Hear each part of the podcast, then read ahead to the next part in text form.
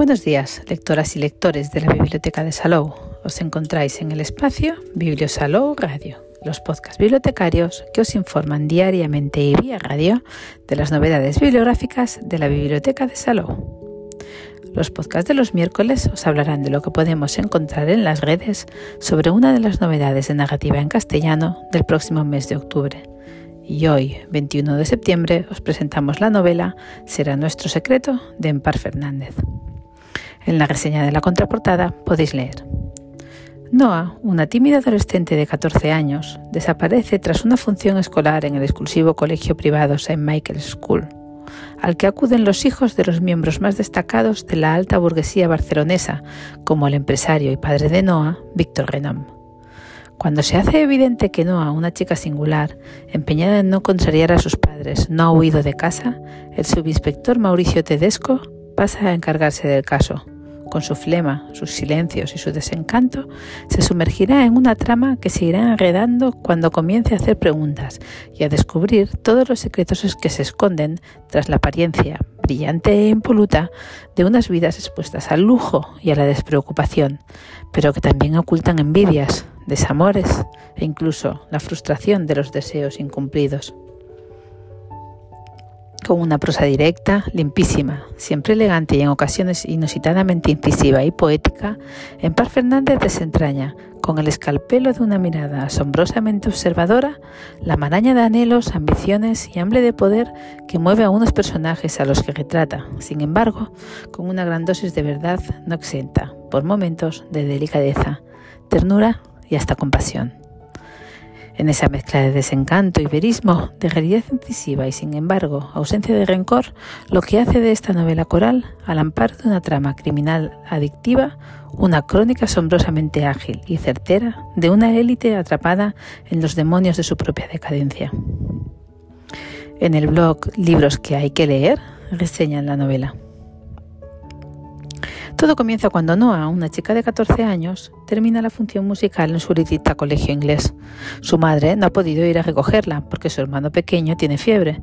Su padre está de viaje. No hay nadie que le lleve, así que decide ir andando hasta la parada del autobús. Pero el camino hacia la parada es muy solitario y Noah tiene miedo. Noah no llega a casa. Cuando su madre se da cuenta, llama a la policía y enseguida se activan todas las alarmas será el subinspector Tedesco el encargado de dirigir toda la investigación.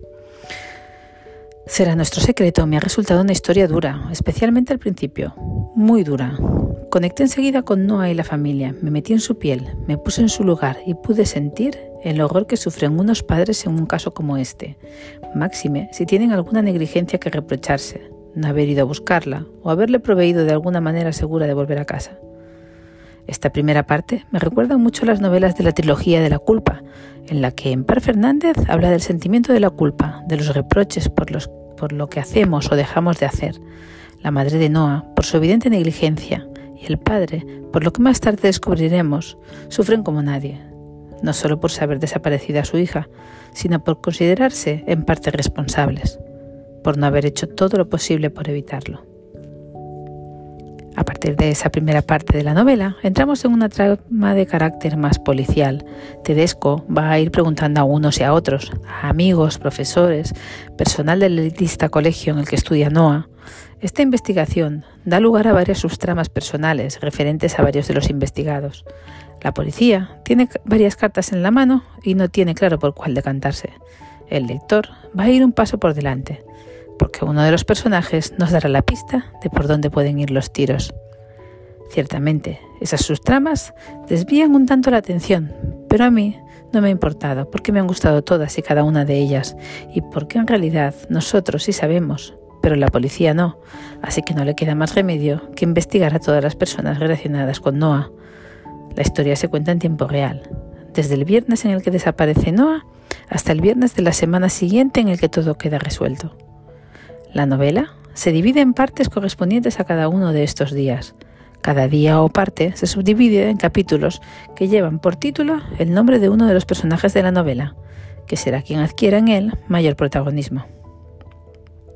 Es un narrador omnisciente quien nos va contando la historia, focalizando en los diferentes personajes con un estilo cuidado En Par Fernández se mete dentro de los personajes, especialmente de los padres de Noah, evidenciando su miedo, culpa y ansiedad.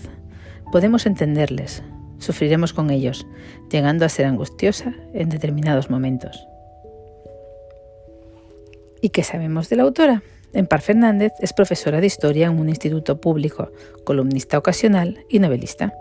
Con su primera novela, Horacio en la Memoria, obtiene el 25 Premio Cáceres 2000. En 2004, comienza su colaboración literaria con Pablo Bonel Tisolo y publican Cienfuegos, 17 de agosto, adentrándose en el mundo de la novela de intriga. Juntos, crean al inspector Santiago Escalona, protagonista de las tres novelas siguientes que escriben juntos. Las cosas de la muerte, Mala sangre y Un mal día para morir. Resulta finalista del novelno Premio Unicaja de Novela Fernando Quiñones con El loco de las muñecas, la historia de un mendigo que es desgranada a partir de su muerte.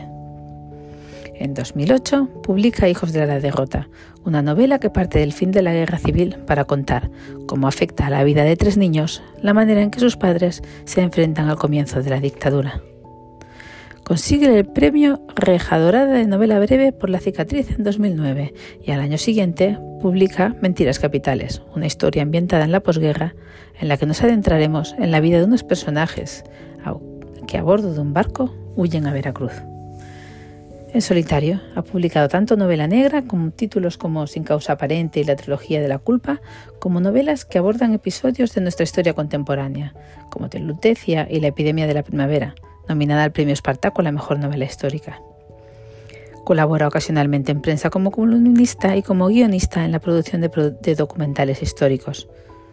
Si queréis seguir sus novedades y sus intervenciones públicas, la podéis seguir en Instagram y Facebook.